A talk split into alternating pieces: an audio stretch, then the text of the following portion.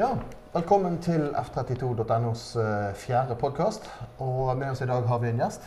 Erik Forlund, som er nyslått redaktør for foto.no. Hei. Ja, Hva innebærer det å være nyslått redaktør? Ha en ny jobb? Det innebærer jo ganske mye. Um, det er jo et gammelt nettsted i nettstedsverden. Uh, mange tradisjoner å ta vare på, mange brukere som har sine forventninger. Samtidig så har jo foto.no slitt i mange år uh, økonomisk og derfor ikke hatt ressurser til å gjøre det de vil. Nå blir det litt annerledes pga. omleggingene, så nå får vi jo faktisk en del ressurser og kan gjøre mye mer. Så det blir jo mye mer aktivitet på sida. Og det er jo det spennende med det. altså. Så dette har jeg forstått er noe av grunnen til, eh, til at eh, det har gått litt trått økonomisk, er at man har tviholdt på en, en god del frihet. Ja, altså Hovedgrunnen til at det har gått trått, er jo at man ikke har fått annonseinntekter. Ja. rett og slett. Så og Dermed så har man ikke kunnet finansiere noe redaksjonelt stoff. Og da har det blitt veldig stille på den redaksjonelle delen. Mm. Forum og sånn har jo gått som før. Men nå starter det altså opp med, med salg også av fotoutstyr.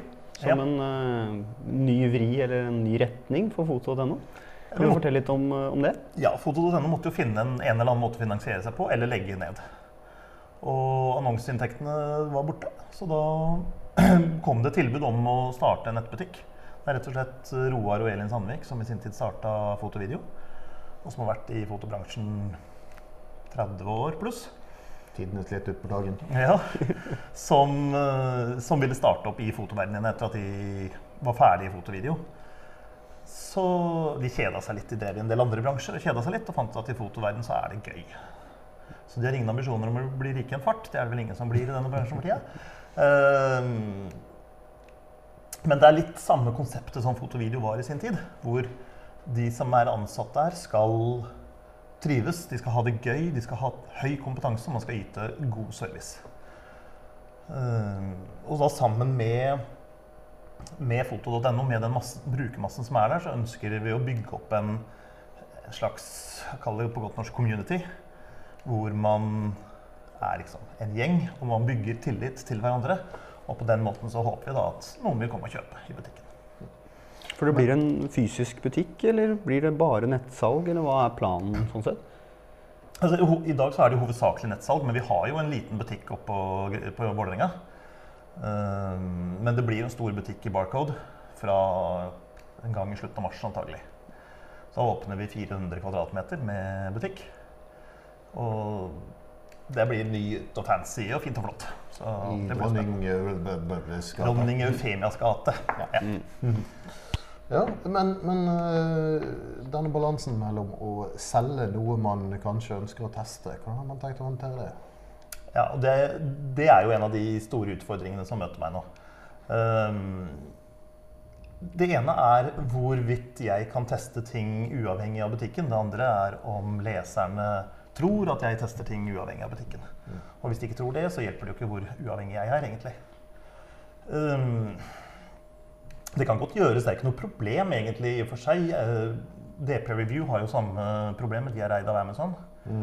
Og de har jo Har fått en god del kritikk for det. ja, men de har jo samtidig beholdt tilliten og de store velgerne og har de tekniske testene osv. Men jeg tror ikke det er lurt av foto.no å gå den veien. I tillegg så tror jeg kanskje at tida er litt overmoden for den typen tekniske tester. Så vi kommer til å ha en del fokus på bilder og fotografering, som vi alltid har hatt. Så kommer vi til å ha en del tips og triksartikler, en del sånne ting som er helt uavhengig av butikken. Og skal vi teste ting, så Vi har ikke helt bestemt ennå, men vi har en idé om å kanskje la leserne få låne utstyret i noen dager og gi en rapport tilbake igjen. Da blir det ikke objektivt, det blir ikke nøytralt, men det blir en brukererfaring som kanskje er et bedre supplement til mange av testene der ute enn enn de tekniske testene som, øh, som man ellers kunne gjort. Du, du går jo da glipp av eh, sannsynligvis det, det journalistiske håndverket som sådan, men eh, samtidig så får du en del tillit fordi at folk har tro på at dette faktisk er leserne. Det, Mm. det er jo noe som alle undersøkelser tyder på, at uh, ting som lesere sjøl, kunder osv., har skrevet, det, det er noe som har stor tillit ute blant folk. Mm. Ja, I tillegg så har du utfordringen med at uh, når du har testet mye utstyr, så blir du så proff, og du har såpass høy kompetanse at du, det blir vanskelig å sette seg inn i en annen type brukers bruksmønster ja, eller utfordring. ikke? Mm. Har du testet 15 eksempelvis Sony-kameraer, da, så kjenner du menysystemet ut og inn. Du vet akkurat hvor du finner de tingene du trenger. Og da er det vanskelig å sette seg inn igjen i at jo, med dette menysystemet er kanskje ikke så brukervennlig for en helt ny bruker. Så du får en del andre perspektiver da, som kan være nyttig å ha med. Men det er jo et, et problem som en, en brukertester òg vil ha.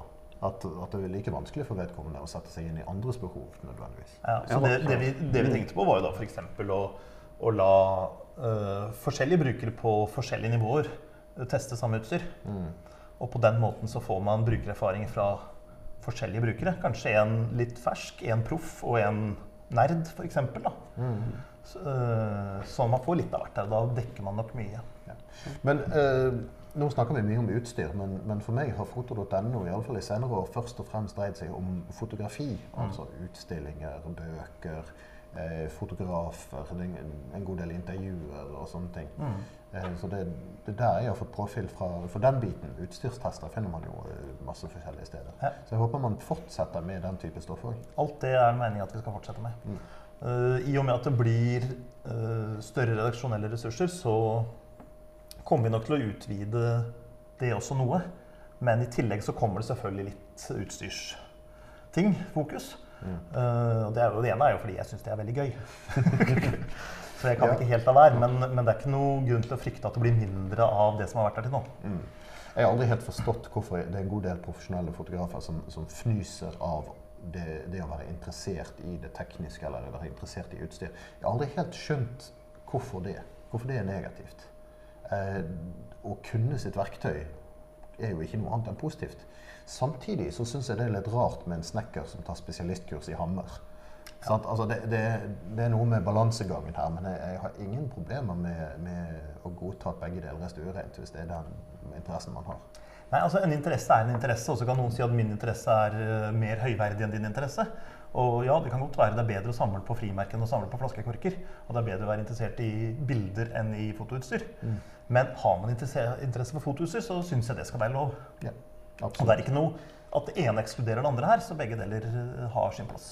Og faktum er vel at det er stort sett den gruppen eh, som er årsaken til at en god del utstyr eksisterer. Altså, du jo folk kjøper mye dyrere fotoutstyr enn de trenger hvis alt de skal gjøre er å ta bilder.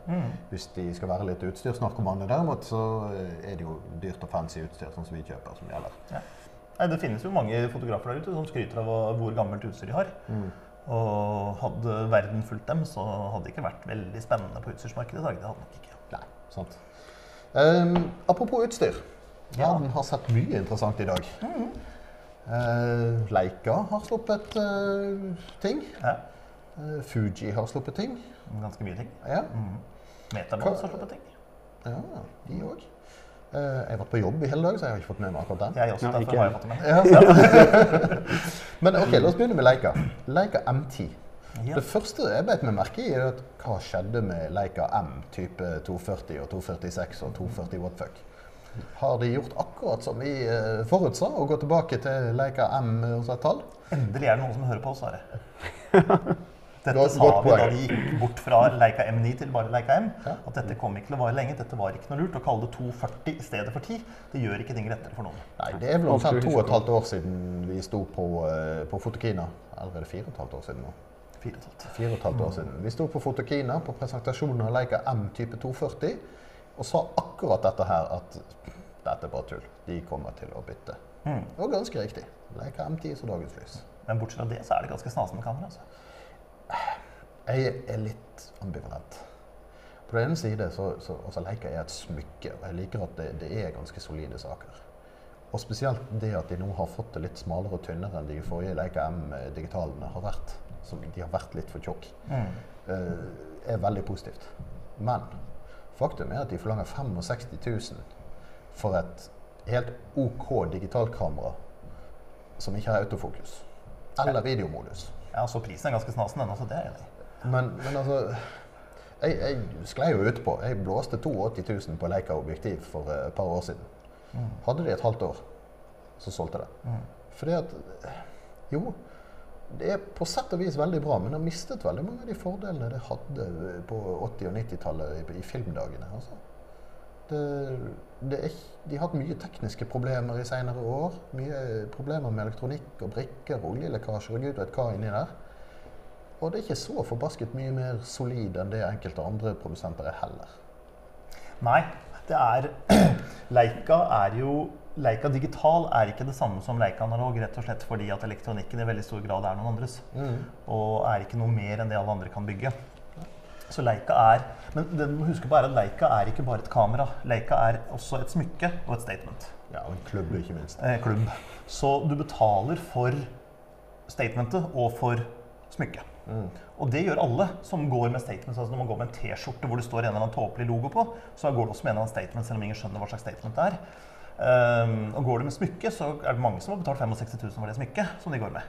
Så hvis man sammenligner det med andre kameraer, så blir prisen helt ublu. Men sammenligner du det med andre smykker, så er det ikke sikkert at det er det. Ja, Bortsett fra at Leica-folk er jo litt spesielle. Altså, dette høres Nei. ut som jeg har veldig mye mot Leica, men jeg har ikke det egentlig. Jeg bare stiller noen spørsmål ved det. Men la meg fortelle en historie. Eh, er min kone og jeg gikk oppover eh, Karl Johans gate en dag for noen år siden. Og foran oss går det en fyr med en eh, kamerabag over skulderen. Og jeg sier til henne Du, han der der bruker Leica. Jeg vedder på det. Ja, hvordan jeg kunne se det? Nei, la oss uh, speede på litt og så gå forbi han. Og så kommer vi opp til Egertorvet, og så snur vi oss og ser på han forfra som kommer oppover. Ganske riktig, det henger en leik over, over eh, nakken på han foran. Som vi ikke kunne se når vi var, var bak han. Så eh, madammen sier til meg Hvordan i alle dager kunne du se det? Nei, så han hadde satt svart elektrikerteip over logoen på kamerabagen sin. Det er bare leker folk som gjør sånt. Ja. Men da er vi inne på en litt annen diskusjon. Da, fordi skal man se på et kamera som et arbeidsverktøy, som et direkte arbeidsverktøy, så kan man jo se på er du profesjonell, driver en bedrift, har du kanskje bedriftslån på utstyret du kjøper inn og sånne ting, så kan du kanskje si at jo, nei, men 65 000 for mitt arbeidsverktøy. Og, eller si at jeg har en Pluss moms, kanskje? Ja, pluss moms. Ja, si at du har 200 000 da, i kamera og objektiver.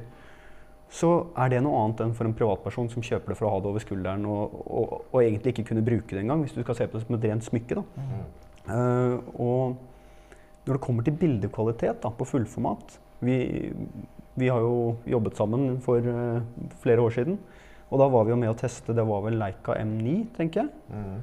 Og hvis ikke jeg husker feil, så fikk vi vel tester, tekniske tester med det kameraet som mer eller mindre sprengte skalaene av det vi hadde testet tidligere. Men jeg tror kanskje ikke vi er der i dag lenger. Jeg tror kanskje andre fullformatsmodeller kan, uh, kan konkurrere på direkte bildekvalitet. Og da er vi inne på diskusjonen om autofokus, optikkpark, øh, øh, ja, fatninger, øh, adaptere, muligheter. Da. Hva skal du bruke det til? Altså, Leica M-systemet, den manuelle fokusen det har, den, for det første, den er veldig bra. Med trening, hvis du går inn for det, så kan du bli veldig rask og presis med det.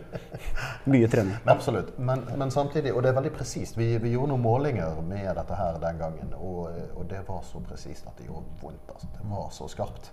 Men så spørs det Det er jo situasjonsavhengig. Leica M er ikke et kamera som er laget for å stå stille på et stativ med et stillestående motiv foran seg. Dette er laget for å ta bilder i farten osv. Og, så og da spørs det om eh, manuell fokus av den typen der er det beste valget i våre dager. Ja, Men det kommer jo helt an på fotografen. Man velger jo veldig bevisst en Leica. Og da velger man jo det sånn at det fungerer. Um, optikken til Leica er jo uovertruffen. Så lenge oppløsninga er relativt lav. Fordi det er korrigert for de aller fleste optiske feil. Og det er jo sylskarpt. Men oppløsningsevnen er ikke fantastisk. Men for de aller fleste fotografer Altså hvis du ser et godt bilde, så går ikke du bort på bildet og studerer optiske feil i hjørnet av bildet. Det er nok av folk som gjør det òg, de har nå skjønner ikke jeg hva du snakker om. Men, men, eh, men poenget er at et godt bilde er et godt bilde uavhengig av den fotografiske kvaliteten ut fra kamera. Og uansett så er det mye bedre enn det Cartier-Bresson noen gang fikk til.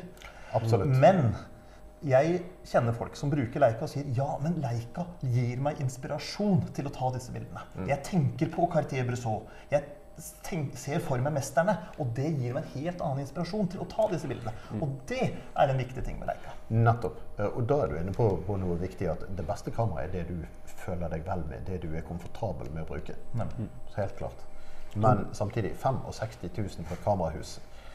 Fryktelig mye penger. Kan jeg fortelle om en, kunde, nei, en historie om en kunde?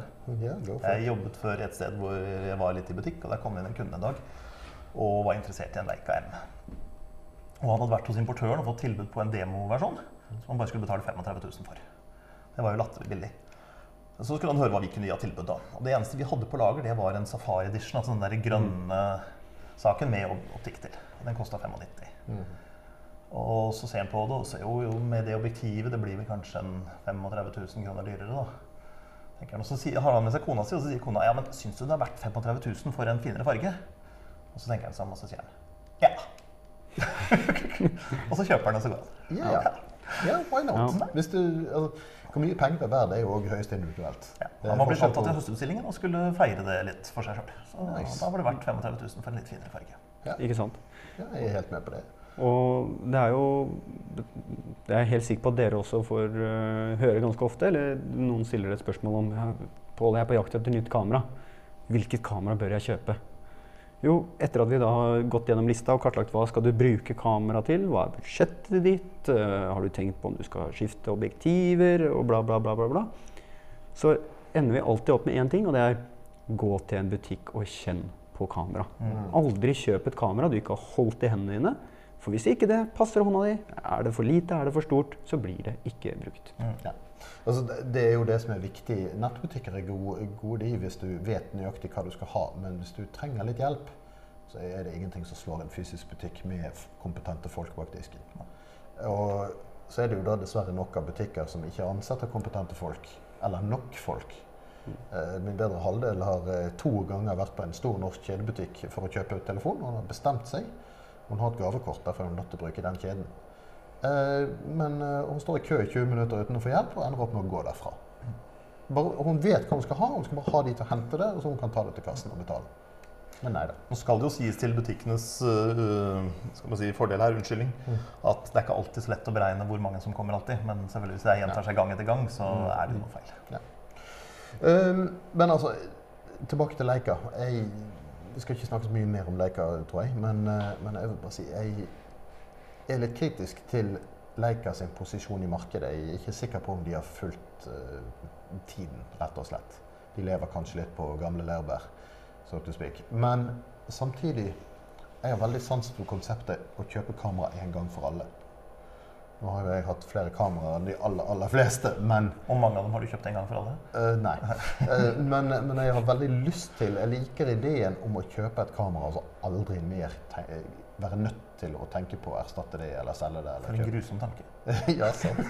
Jeg hadde jo aldri klart det. Hvis jeg selv, om jeg så fant det perfekte kameraet, så hadde jeg jo aldri gjort det. Men, men jeg, jeg liker tanken likevel. Ja, Det minner meg på han fyren som, eh, som eh, tatoverte inn hva var det for noe? Nikon D800, tror jeg. Hele modellen på armen. Eh, ja, med den tanken om at det kommer aldri et bedre kamera enn Nikon D800. Så den skal jeg bære for evig tid. Det var noen som sa 386-maskin, og den kom tidlig på 90-tallet. også. Ja. Jeg, kan slå den historien der. Jeg kjente en gang i tiden en jente som tatoverte Minolta-logoen på he- hele ryggtavlen. Ja. Det fins noen som er større enn. Altså. ja, sant. ja, nei, det var jo som kjent Sony som kjøpte Minolta sin kameraavdeling. Så den finnes ikke lenger. Nei. Ja, Ja, det er jo et evig minne, da. Er ja. ja. Uh, men så langt leker. Men Fuji kommer jo med masse gøy i dag òg. Mellomformatkamera fra Fuji. Det er litt gøy, altså. ja, det er bra.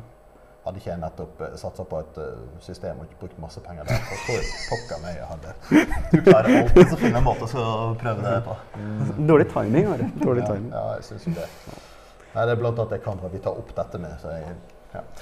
God timing, kaller jeg det. Ja, ja, ja sant. sant, sant. Men altså, eh, Fuji mellomformatkamera. Eh, hva er det tilsvarende 0,79x mm. kroppfaktor eller noe sånt. 50 megapiksler. Og det kom tre objektiver nå. Det kommer tre til i løpet av året. Pris? Ja, var ikke det noen og 60 000 ca.? Jo, uten objektiv. Ja. Så var det vel det. Ja. Det var 6200 pund eller noe sånt Ja. i Storbritannia. Og 6500 dollar eller noe sånt i USA. Ja. Så ja. Pluss på litt med norske skatter og avgifter. da. ja. Men eh, no, rundt der et sted. Mm. 70 kanskje. eller. Ja. Det er jo en bra pris for et eh, digitalt mellomformatkamera. Mm. Absolutt. Jeg leste i dag at Fuji valgte å utvikle mellomformatkamera etter å ha prøvd Pentax 645Z. Mm. Og oppdaget at når de kjørte råfilen gjennom sin egen prosessor, så fikk de et bedre resultat enn det Pentax fikk. Ja, sant. Så her er det potensial, rett og slett. Mm. Ja. Eh, Pentax 645D, altså forgjengeren Mm. til Z, den var jo en liten overraskelse. De hadde vel gjort regning med at det var eh, potensial for det, 50 kamera i Europa eller noe sånt, sa de. Det solgte jo i bøtter og spann relativt sett. Og det er ikke så rart. Nei. Vi slet, jo, vi slet jo lenge med å få tak i et eh, test, eh, testkamera. til det. Vi mm. venta jo på det i år og dag. og Det kom jo til slutt, og vi fikk vel ha det i 14 dager eller noe sånt. nå. Jeg husker ikke. 645D? Ja. ja, ja. Mm. Jeg, jeg husker veldig godt at jeg satt og jobbet med den testen, for det var da Dagmar kom. Ja, ja. Eh, Denne her Ja, eh, ekstremværet, Mm. stormen, whatever. Så jeg tok meg litt sånn snikfri i romjulen og, og dro opp til, til hytten til mine foreldre på Filefjell. Og tenkte at vi har jo bra internett der, så jeg kan jo sitte her og ta bilder og teste og, og heie på. Det blir bare litt kult med litt, litt fjellbilder og sånt nå i testen. Uh, uværet tok ut internettforbindelsen i hele Sogn og Fjordane. Så jeg satt der oppe med, med 3G-forbindelse på mobilen og skulle overføre råfiler på 39 megapiksler. Dårlig idé. Ja, nei, det gikk ikke så bra. Nei, men tilbake til Fuji. Ja. Uh, jeg syns det er veldig spennende. Mellomformatkamera, nytt system, full pakke. Fuji kan dette med bildekvalitet. Hvis det er noe Fuji kan, så er det bildekvalitet. altså absolutt. Ja. Det er jo mindre enn andre mellomformatkameraer. Så det er jo på størrelse med et normalt speilreflekskamera, egentlig. Ja, det er akkurat det. Så selv om objektivene blir større, så, så har du et relativt kompakt system. Og så er det jo spennende at en såpass liten aktør som Fuji gjør dette her. Sånn? Fuji har jo gjort veldig mye smart de siste seks-syv årene.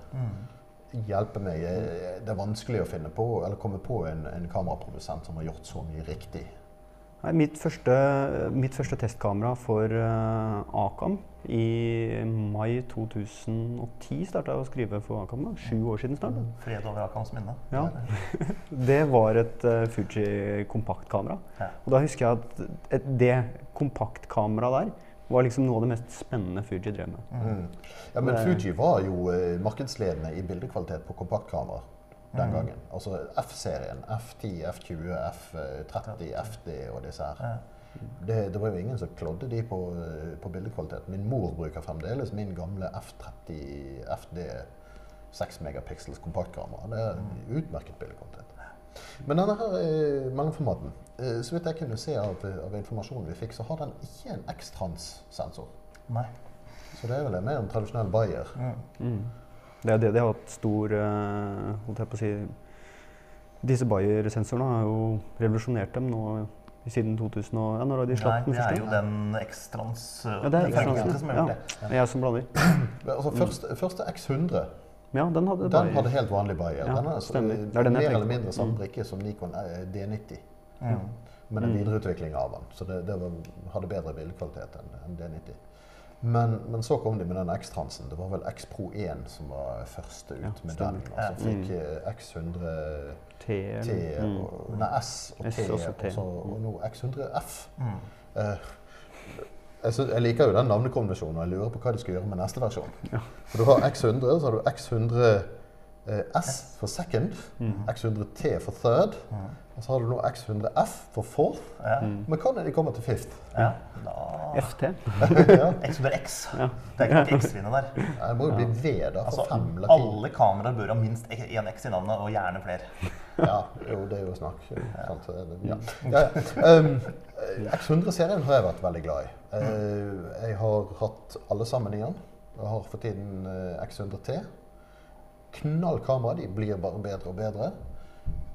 Så eh, jeg tror ikke jeg klarer å motstå fristelsen. Må nok ha en eh, X100F eh, på et eller annet punkt. Det tror jeg også du må. Ja, rart med det. det er veldig pussig, det der. Men nei, Fuji kan jo, altså Bildekvaliteten er jo én ting. Hva du får av detaljer, hva du får av alt mulig ut av et sånt bilde. Men som- tonaliteten, ikke minst. Vi- Ja, ikke minst. Det som imponerer meg, kanskje, er jo også hvordan JPEG-bildene ser ut. Mm. Altså, hvis, hvis jeg bruker et helt vanlig kamera av andre merker, så tar jeg rå, og jeg prosesserer råbildet etterpå. Mm. Eh, Fuji, så tar jeg rå pluss JPEG. For å ha råfila i tilfelle jeg angrer meg på en eller annen rar innstilling. eller noe sånt, Men jeg bruker jo nesten bare JPEG-filer, for de kommer altså så flotte ut at jeg omtrent ikke klarer å gjøre det noe bedre Mm. om jeg så prosesserer og tviker og ordner sjøl. Det er så flott. Og det sparer meg for så mye jobb. Mm. Ja, altså det, det er absolutt brukbare JPEG-filer rett ut av kameraet. Mm. men, men som du sier, det kan hende du ønsker et litt annet uttrykk. eller noe sånt. nå. Det betyr ikke at det er noe feil med JPEG-en, men bare rett og slett Mm. at du, du velger noe annet. Og jeg digger jo Velvia. Jeg har alltid digga Velvia. Og det er jo deilig med Fuji-kamera hvor jeg kan bare sette Velvia. Men du kan jo bli litt kvalm av noen bilder av Elvia noen ganger. Hvis du kommer hjem og oppdager det, så er det greit å ha råfila altså, og kunne skru av Velviaen etterpå. Jeg er veldig glad i svart-hvitt, og spesielt Fuji sin film 'Akros'. Mm. Det er den beste svart-hvitt-filmen jeg vet om. Og øh, at du nå får en Akros-innstilling, ja, Vi får jo se hva effekt det faktisk har, men, men øh, det høres positivt ut. Men eh, karer, nå begynner klokka å bli mye. Kanskje vi skal runde av denne episoden, og så har vi jo med oss eh, Erik i neste Ja, men, episode. men, men vi har jo ikke snakket om, vi har jo ikke snakket om XT20. Vi har ikke snakket om 50 mm blender 2. Vi har ikke snakket om Nei. vi kan snakke om det? Jo, neste episode. Neste episode. Ja, kanskje det. Men først har vi en liten kunngjøring. Og det er de som har fulgt oss en stund, de vet at vi har eh, forsøkt oss på å ha et eh, kommentarfelt på, eh, på siden vår. Plaget av spam. Vi forsøkte oss med et forum. Plaget av spam. Eh, Så rett og slett så har vi nå inngått et samarbeid med diskusjon.no. Og at fra i dag, opptaksdagen altså, eh, hva blir det? 19. Det blir 19. januar 19. januar. så eh, kan man kommentere på artiklene våre i diskusjon.no. Vi har fått et eget underforum der. Så du må ha en konto på diskusjon. Det er det gratis å, å få hvis du ikke allerede har det. Så kjør på. Fortell oss hva du syns, hva du mener. Kom med innspill på artiklene, og diskuter i vei. Dukker de artiklene opp eh, på F32? Artiklene? Ja, altså på forumpostingen, da? Nei. nei. Eh, det, for øyeblikket så er det en manuell løsning. Så det at vi er nødt til å eh, fikse det manuelt. Og for øyeblikket er det vel bare jeg som har rettighetene til å starte et nytt emne i det underforumet. Ok. Men, men vi snakker så smått om å få på en autoløsning, men det er litt pludder. Så foreløpig så er det mest effektivt å gjøre det manuelt. Så ja, det var det. Takk for, takk for denne praten. Ha det riktig bra. Ha det bra.